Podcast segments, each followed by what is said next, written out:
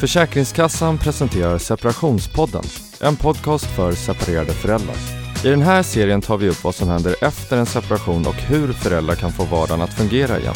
Diskussioner och åsikter från gäster som inte representerar Försäkringskassan är deltagarnas egna. Varmt välkomna!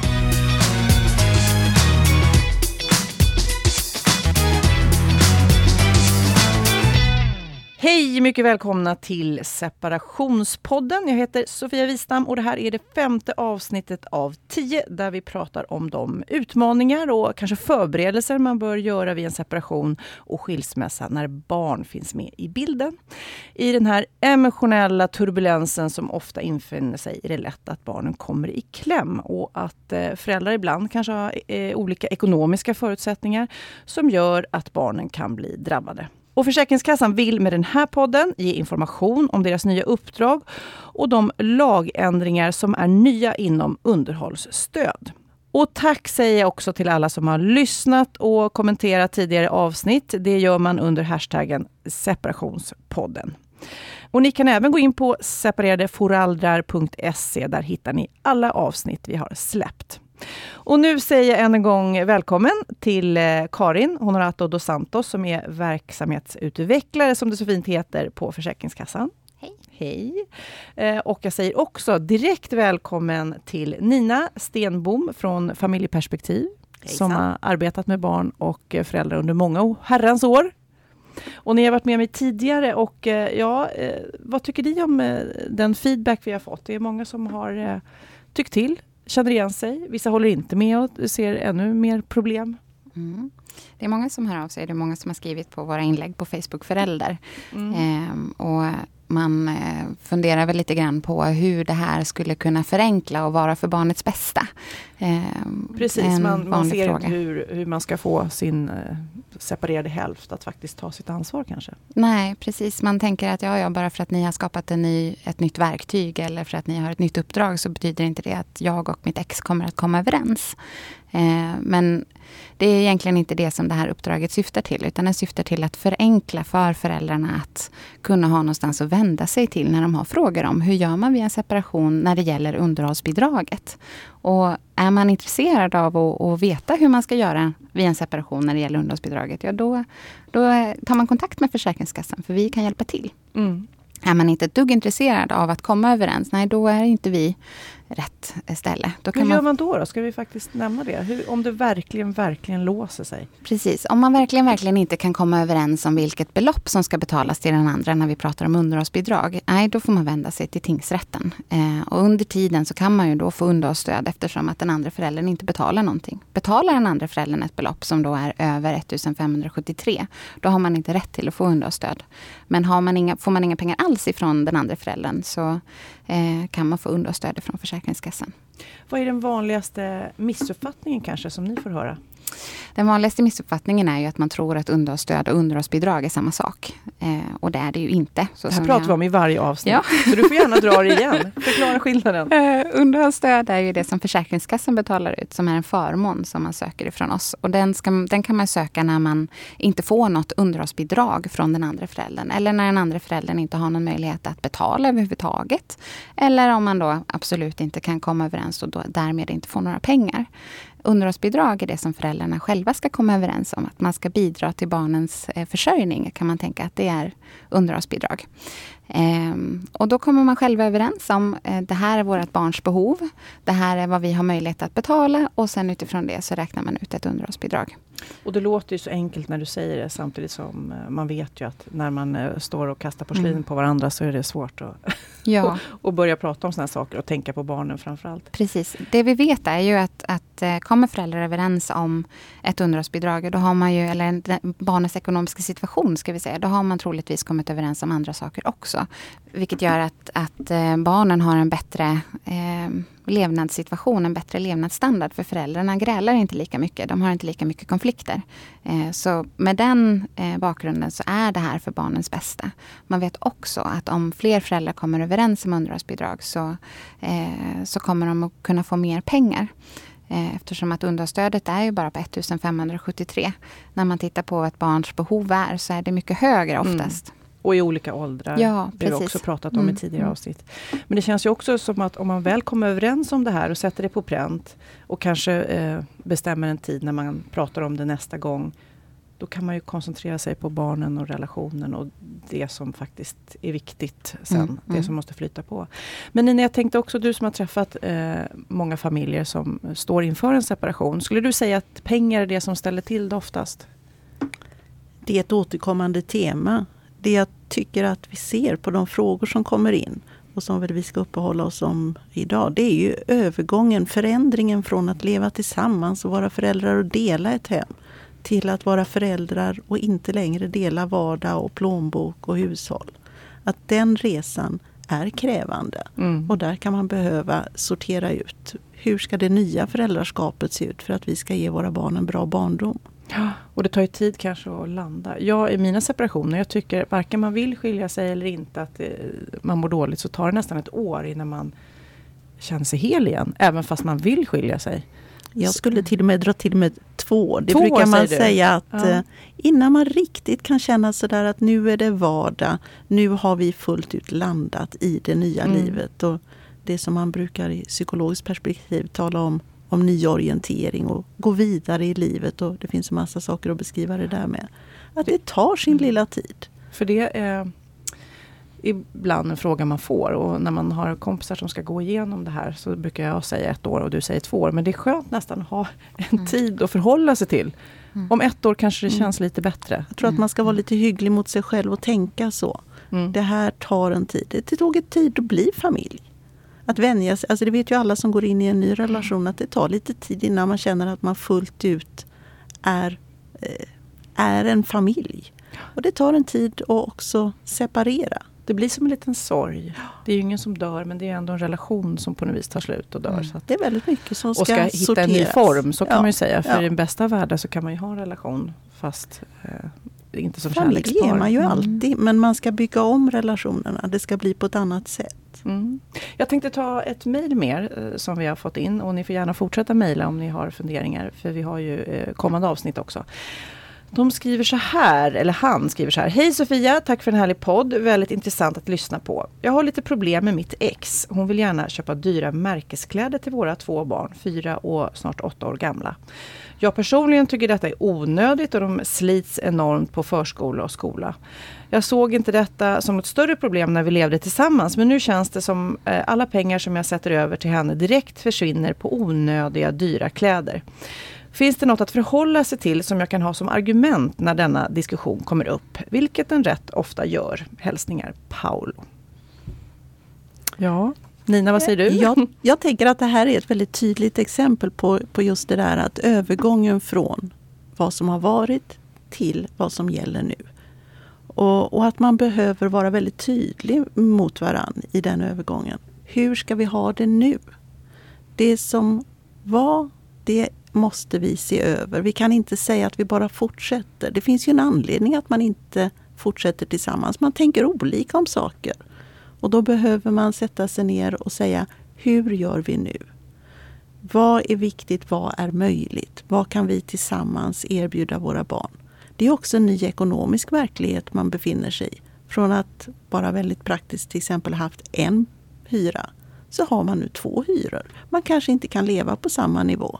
Så mycket förändras och det är klokt att se över hur gör vi nu?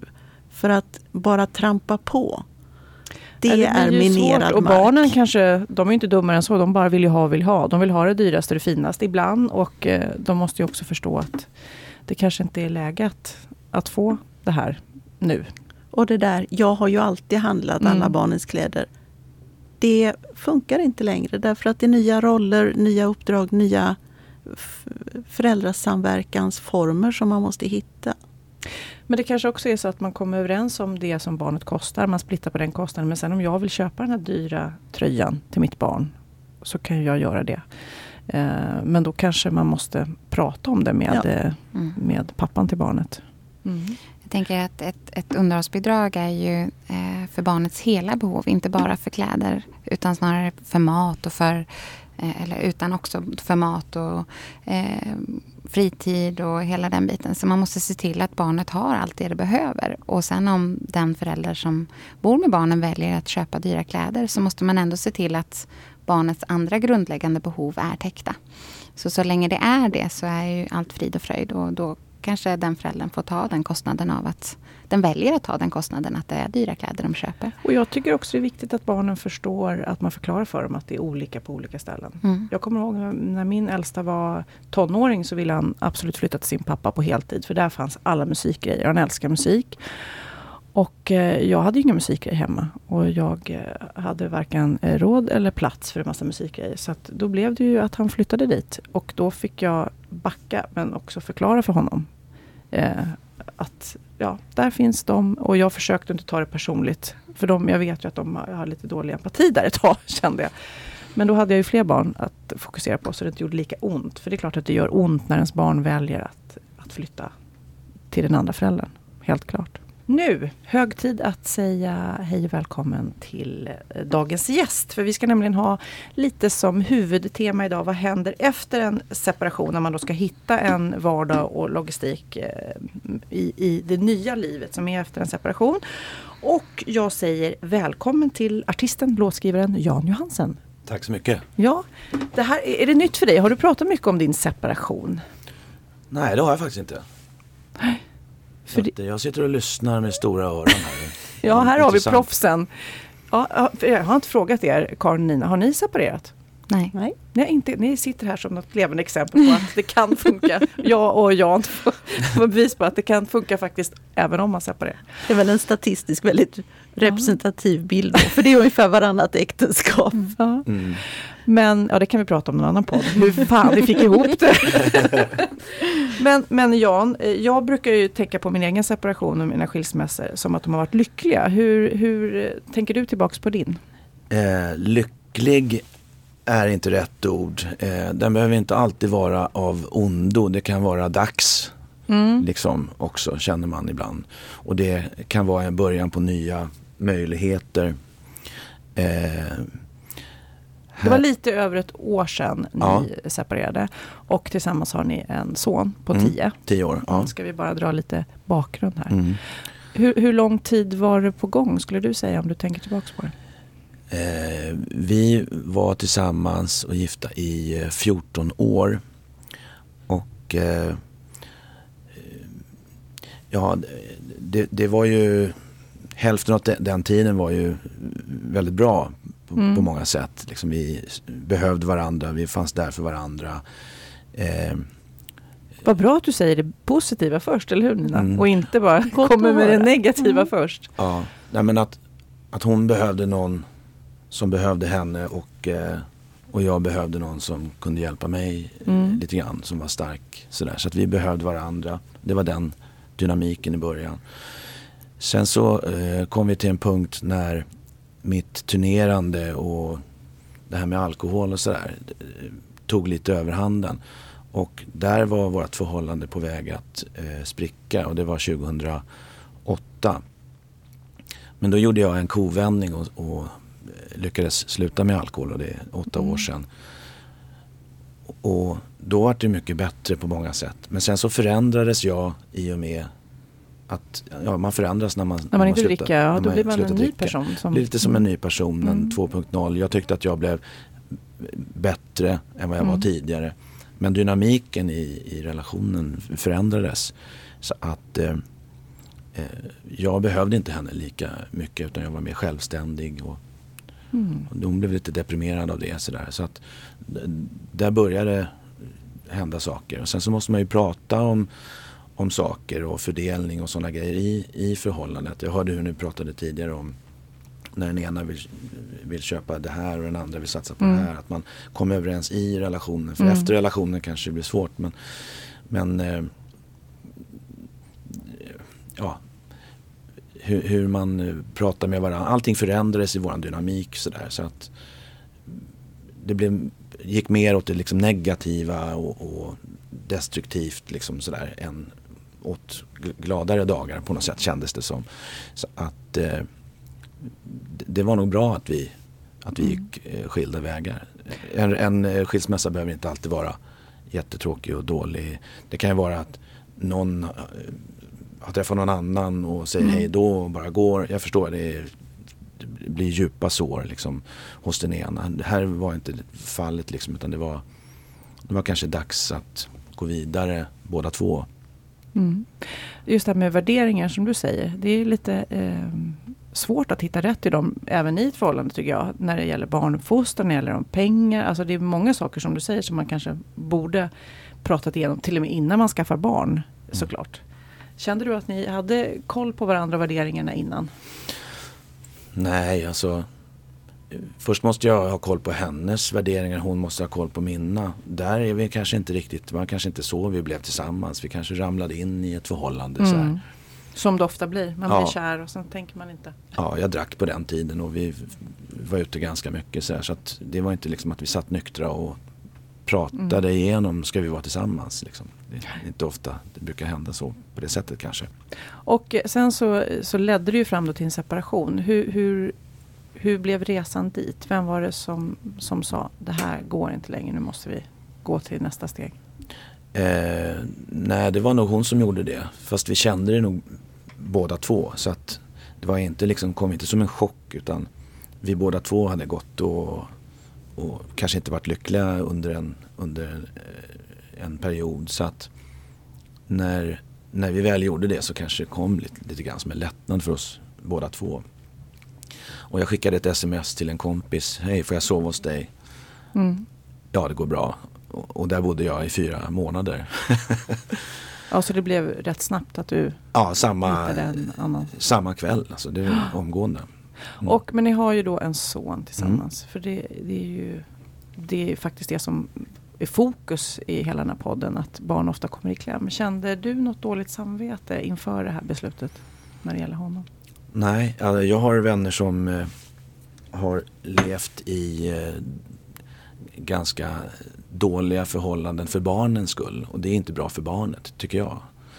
Tror jag. Utan eh, när vi satt där i, köket och, och, pratade då kom vår son ner och hämtade vatten och sen kom han ner och hämtade vatten igen. Och, mm. Oj vad han springer här och så tittar han på oss. Och sen så säger han, vad ni än pratar om så lös det på en gång. Mm. För han märkte liksom att det var någonting på gång. Och eh, självklart så ville ju inte han att hans föräldrar skulle separera. Men sen när så är fallet så, så är det kanske inte så farligt utan det är nog mer den här rädslan att det ska hända någonting.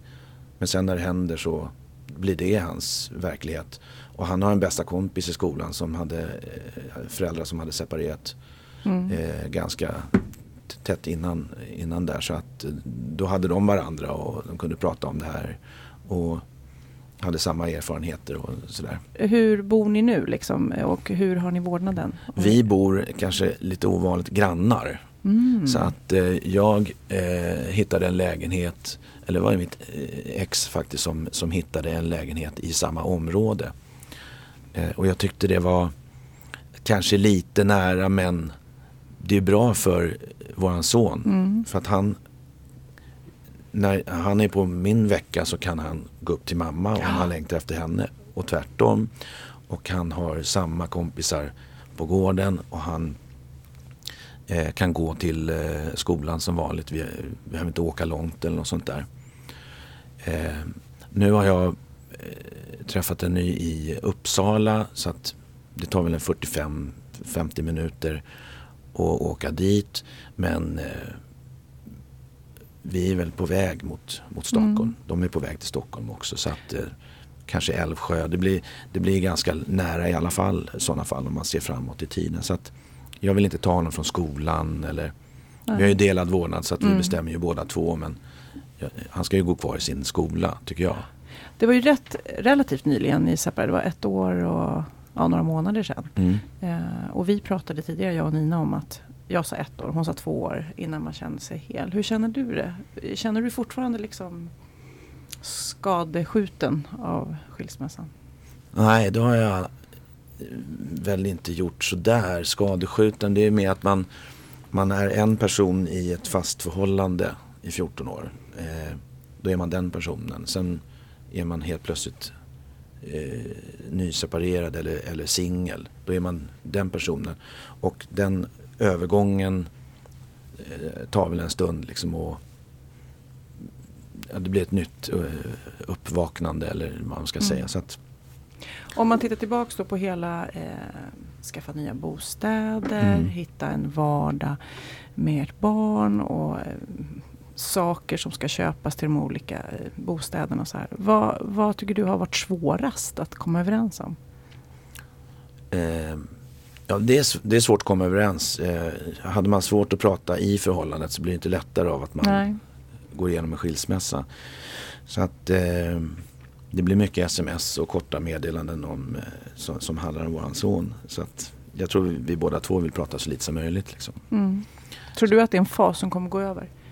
Ja, det kanske det är. För det tror jag nästan Mm. när jag hör det. För att jag tror Mm. att kanske nu, nu är du fortfarande i det där. Men sen kanske om fem år Mm. så kanske det blir mer, inte lika laddat. Eller vad tror du Nina? Ja, men jag, jag håller helt med. Och det är väl därför jag säger två år. För att ja, jag, jag tänker Ja. att, att väldigt mycket av det du säger låter så väldigt klokt. Att i den första tiden så är det ju väldigt skönt som du säger. Vi hade fokus på att rätt lite skulle förändras. Alltså han behövde sina kompisar, han behövde sin skola. Vi försökte att behålla så att det inte blev för stora förändringar. För han hade ändå en stor förändring i sitt liv. Det var att mamma och pappa inte skulle fortsätta bo tillsammans. Mm. Han skulle ha ett nytt hemma som han skulle bo, till, bo i tillsammans med pappa. Mm.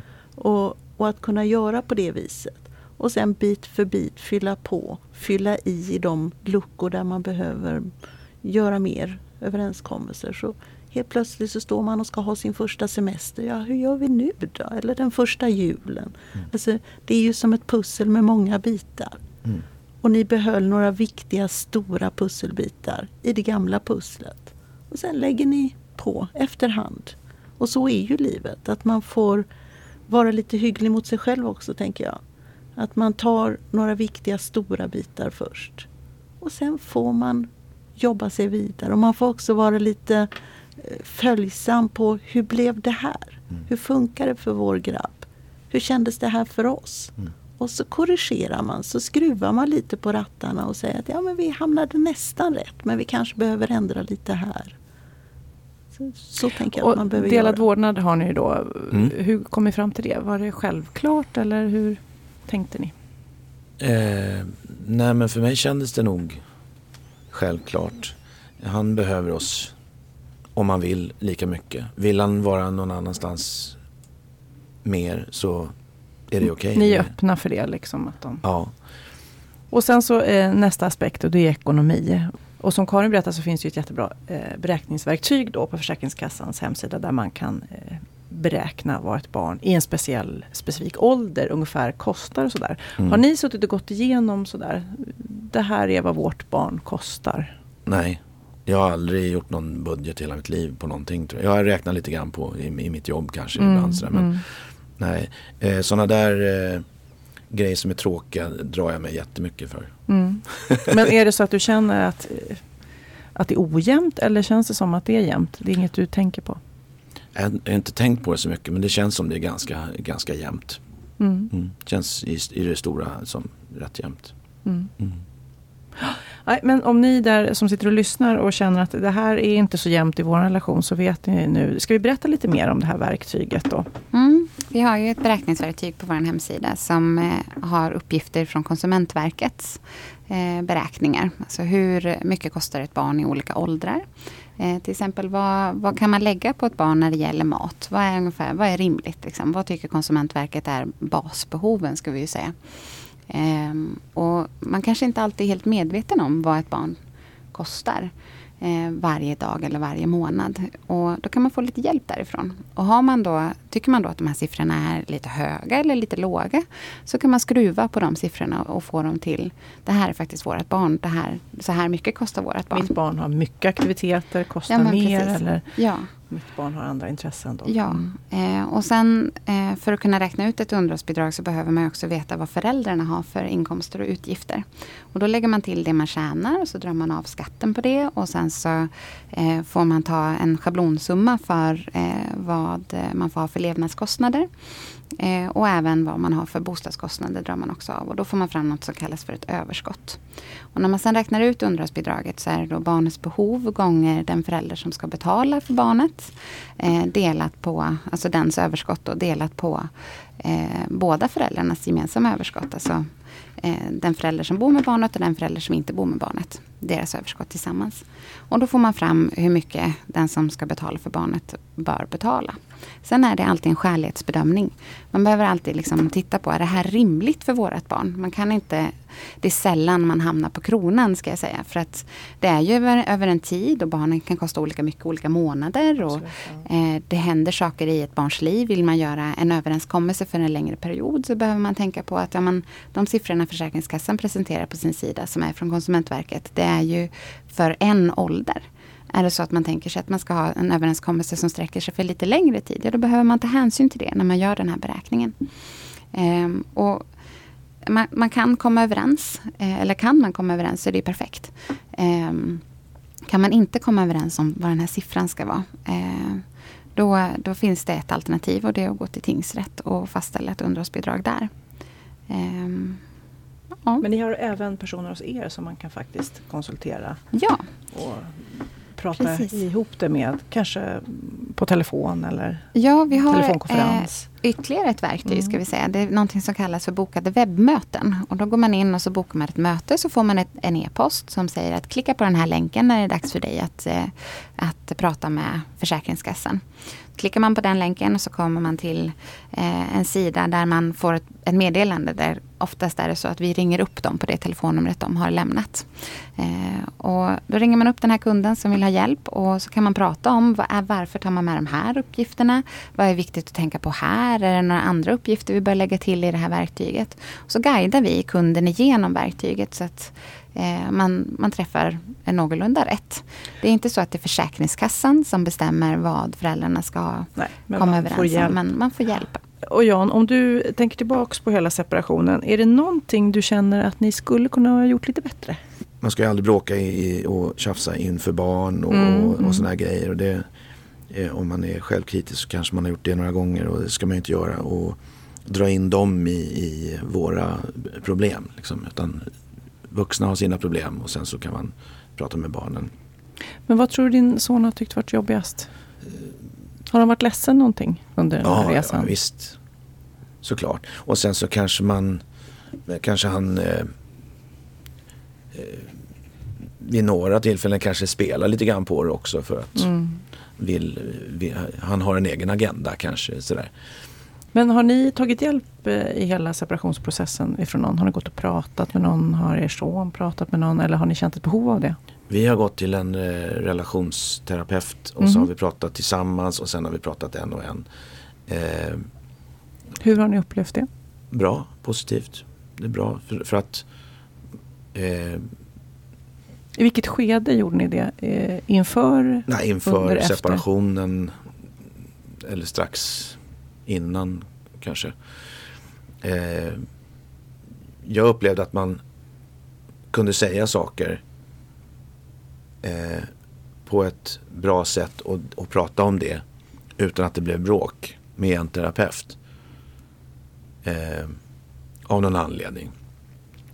När man är två så är det så lätt att någon blir upprörd. Och så låser det sig. Ja. Men här, var det inte, här blev, blev man inte upprörd när man hade en terapeut med sig. När man pratade om exakt samma sak. Så att, men det, det var skönt. Då kunde man prata om de här grejerna. Och, och, och eh, men det kändes ändå som att vi var på väg ifrån varandra. Så att det var inte, vi gick inte dit kanske för att hitta en väg tillsammans. Utan det var nog att hitta ett bra sätt att separera. Mm. Nina, det här måste du träffa på hela tiden. Är det bra ja. att gå och prata även fast man vet att vi ska separera? Är det bra att gå och prata med någon ändå? Jag skulle säga att just därför att man ska separera behöver man prata. För man börjar ett nytt kapitel i sin relation. Man ska bygga om i relationen. Man ska ju inte Så det finns väl stunder när, när människor som separerar önskar och tänker att jag vill aldrig mer se den här personen. Så ser det inte ut när man har barn tillsammans. Man måste ha en relation men den kommer inte se ut som förut. Och hur den ska se ut behöver man prata om när man är som mest upprörd, ledsen, arg, vad man nu vill mm. sätta för rubrik. Men, men omformulera sin relation, det är det man gör. Så att ta hjälp då är ju ett gott sätt att, att komma igenom det utan för mycket elaka ord. Och att hitta lite mer konstruktiva sätt att, att samtala med varandra. Och eh, barnen då, eller barnet i det här fallet, eh, det beror kanske på ålder och sådär. Är det viktigt tror du att man kollar in om även de behöver prata med någon? Ja, det tycker jag naturligtvis. Sen tänker jag att, att vi också visar våra barn någonting. Om mamma och pappa tar hjälp så kan man också säga så här gör vuxna när vi tänker olika och tycker det är svårt. Man kan ta hjälp, man kan prata med någon annan. Eh, vi tar ansvar för det vi befinner oss i. Är det svårt så vill vi inte bli dumma med varandra. Vi vill hitta en väg framåt. Det lär vi, någon, alltså vi lär våra barn någonting om hur vuxna handskas med konflikter. Om en familj kommer till dig och du pratar med barnen separat och kanske föräldrarna separat och sen så signalerar barnen verkligen att de mår dåligt för en specifik grej. Kan du förmedla det till föräldrarna på något vis? Det som är viktigt är ju just att, att göra tydligt både för barnen och för föräldrarna att de har rätt att komma till tals. Men de har inte ansvar för besluten. Men om de vill ha hjälp med att deras röst blir tydlig för, för föräldrarna. Mm. Så, så du frågar det, för du har väl ja. tystnadsplikt och ja. sen så vill du att jag ska säga det här till mamma och pappa? Att ja. Om det kommer fram någonting, är det här en sak som du vill att jag ska prata med mm. din mamma och pappa om? Är det någonting som du tänker är svårt? Eh, ofta finns det ju någon sorts hänsyn att jag vill inte att mamma ska bli ledsen om jag säger det här. Men, eller jag tycker att pappa är jättemysig men jag är inte så förtjust i pappas nya tjej. Alltså, det här är ju situationer som de befinner sig i och som de grubblar över och som de inte riktigt vet hur de ska handskas med. Så en del barn vill bara få prata med en annan vuxen och säga hur tycker du? Och andra vill kan du prata med mamma och pappa om det här? Ja, det är ju faktiskt en bra väg att veta lite vad de tänker utan att de då är oroliga för att göra illa mamma och pappa. Eh, sen så har eh, vi märkte i skolan att, eh, att, det var att vår son hade lite svårt att koncentrera sig och, och i skrift och, och läsning och, och sådana här saker och blev lätt distraherad och så. Så att vi, vi gick till BUP mm. och där har han fått prata med oss tillsammans med en terapeut och sen eh, psykolog, alltså prata själv. Och då har han pratat om eh, inte bara skolan och hur det går i skolan utan han har pratat om våran skilsmässa och, och, och träffa nya och nya barn och, och sådär. Så att han har ju också fått prata. Och han har upplevt det som bra själv? Ja, ja, vissa saker har han upplevt som dåligt. Och vissa, eh, Nej, jag tänker det, när, att gå och prata har han prata, upplevt som bra. Mm. Det är jag helt övertygad om. Mm. Mm, ja, Nej, det känns som ni har gjort många rätt måste jag säga. Eh, vi ska avsluta tänkte jag bara om vi ska tänka tidsperspektiv vad man ska tänka på i de olika eh, tidsaspekterna. När man är nyseparerad till exempel, vad bör man tänka på då tycker du? Och ja, ni, nu får ni alla säga vad ni tycker här. Alltså de fyra stora teman som man, som man alltid behöver titta över. Det är ju vårdnad, alltså vem ska bestämma om barnen? Hur ska de bo? Hur ska de träffa den de inte bor med? Och hur ska vi försörja barnen? Det behöver man beröra någon gång under den första tiden. Mm. Sen behöver man nog vara lite hygglig som vi pratade om förut, som jag tyckte var så fint när du beskrev det. Med det här, behåll en del av det bekanta i början. Bygg inte om allt på en gång. Och sen fyll i efterhand. Var lite... Alltså låt det ta tid. Ni hittar former, det växer fram. Men lyssna och läs av på era barn.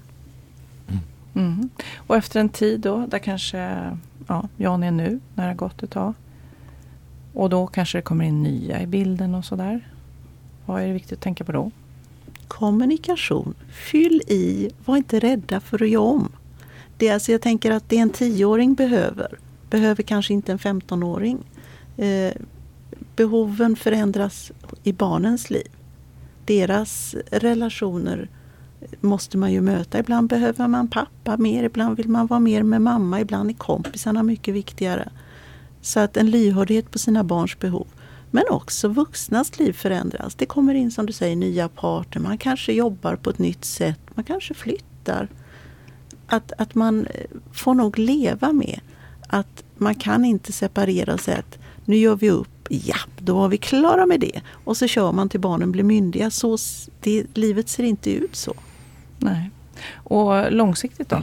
Man ska ju ha, som du sa, man har ett livslångt förhållande till sitt barn och då räknas ju faktiskt in eh, mamman eller pappan till mm. barnet också. Mm. Ja det är ju som sagt håll, håll, eh, håll en, en kanal öppen för, för kommunikation. Alla behöver inte bli bästisar med sitt ex. Man, man kan ha en anständig samverkanston. Man kan vara lite respektfull och lite generös med att hitta lösningar, fokusera på sitt barns behov. Mm. Och mamma behöver inte, eller barnet behöver inte bli bästis med förälderns nya partner heller. Men om det är riktigt dåligt så, så kanske man ska tänka, vem, vem ska man tänka på här? Ska jag tänka på mig själv? I min nya relation och så funkar det inte alls, blir helt dysfunktionellt. Så att man måste ja. försöka hitta en ja. balans där också. Vi gör alla misstag men eh, man försöker eh, rätta till dem och göra dem så bra som möjligt. Försöka, så, så, att, så att det kan bli en enhet. Och jag tycker någonstans också man pratar ju, okej, okay, lyssna på barnet, sätt barnet främst. Men samtidigt måste man ju också som vuxen visa att man bestämmer, att man är den mogna och styra lite skeppet. Mm. För jag kommer ihåg, jag var väldigt svartsjuk på min styvmamma då när jag var liten. Men min pappa visar ju rätt starkt att ja, men det här är min livspartner och min kärlek. Och sakta men säkert så fick jag acceptera det. För jag kunde inte heller bestämma vem han skulle träffa. Det förstår jag ju nu som vuxen men just då tyckte jag att det skulle bara vara han och jag och inga andra i vårt liv. Liksom. Och det var ju en svartsjuka eh, såklart. Mm. Ja, det men det, det fattade inte jag då. Men därför känner jag det är viktigt också att vuxna bestämmer. Och samma sak där med med eh, vem man skulle bo hos. Och, eh, och man ville bo hos den ena och ibland som du säger man, de spel, man spelade ut sina föräldrar. Men då är det också viktigt att man är enad på det. Nu är det så här för vi har bestämt att det ska vara på det här mm. viset. För då vilar man lite i det. Som i alla fall när man är litet barn. Sen när man är tonåring kanske man kommer till en ny nivå. Dels så avlastar man ju barn väldigt svåra frågor. Ja, precis. Alltså det, det, här är ju saker som vuxna sliter med. Ligger vakna på nätterna och funderar på vad gör vi som blir det bästa. Det blir ju inte enkelt för barnen heller så varför skulle de klara ut det här? Hur många dagar, vad är lagom, när blir pappa mm. ledsen, vad blir mamma, säger hon. Alltså, avlasta barnen de svårigheterna genom att ta ett föräldraansvar. Och gör gärna nästan övermarkera. Vi, mamma och jag, pappa och jag tycker. Det här har vi bestämt. Mm. Så att man markerar att föräldrar är vi fortfarande. Det är inget snack om det. Mm. Vi från Försäkringskassan säger väl det att, eh, som precis som Nina har sagt, att ta hjälp om ni behöver hjälp. Kontakta gärna oss om ni, vill ha, fråga, om ni har frågor om underhållsbidrag och hur man ska tänka när man räknar eh, ut ett underhållsbidrag. Använd vår räknesnurra. Läs informationen på hemsidan. Det finns massa olika ställen att läsa om separationer och, eh, och hur man ska hantera det. Ta, liksom, leta reda på den informationen som är viktig för dig. Eh, och sen just det här att, att det, det, förändras över tid. Barnens behov förändras. Föräldrarnas möjligheter att försörja sina barn förändras också. Eh, så att det är viktigt att tänka på att det är inte ett statiskt, en statisk överenskommelse man har gjort utan den behöver förändras så småningom. Mm. Visa ord från er allihopa. Mm. Jag känner att man, man, kanske kan, man kanske inte kan tvinga eh, barnet att gilla den nya partnern. Liksom att nu ska ni umgås och du ska helst kalla Det är ju en till relation som ska den här födas. personen liksom. för mamma eller pappa. Liksom. det här är din nya mamma. Det kommer jag ihåg för min styvpappa. Eh, min pappa sa alltid att jag skulle säga hans namn till honom, Leif. Jag sa Leif till min biologiska pappa. Och sen så helt plötsligt hade jag en ny styvpappa som jag sa pappa till. Och då jäklar nåda, då blev min pappa, eh, då bara helt plötsligt fick jag säga pappa till den också. Mm. Ja, nu tackar jag eh, för eh, denna gång. Tack snälla för att ni har varit med och pratat om detta. Och det vi kan ta med oss är väl att det finns ett ljus i tunneln. Det går att separera och att det blir bra på andra sidan. Och att hitta rutiner i det här. Eh, och vill ni då, vi har pratat om det tidigare, hitta hjälp i hur man eh, kommer överens ekonomiskt så finns det fantastiskt verktyg på Försäkringskassans hemsida. Och om ni vill kommentera det ni har hört här så kan ni ju skriva på hashtag separationspodden och på eh, så hittar ni alla avsnitt. Och i nästa avsnitt av separationspodden då ska vi prata med en mamma som har nio stycken barn och hon har också separerat och får det här gå ihop på något sätt. Mycket intressant ska det bli. Tack för den här gången. Tack så mycket.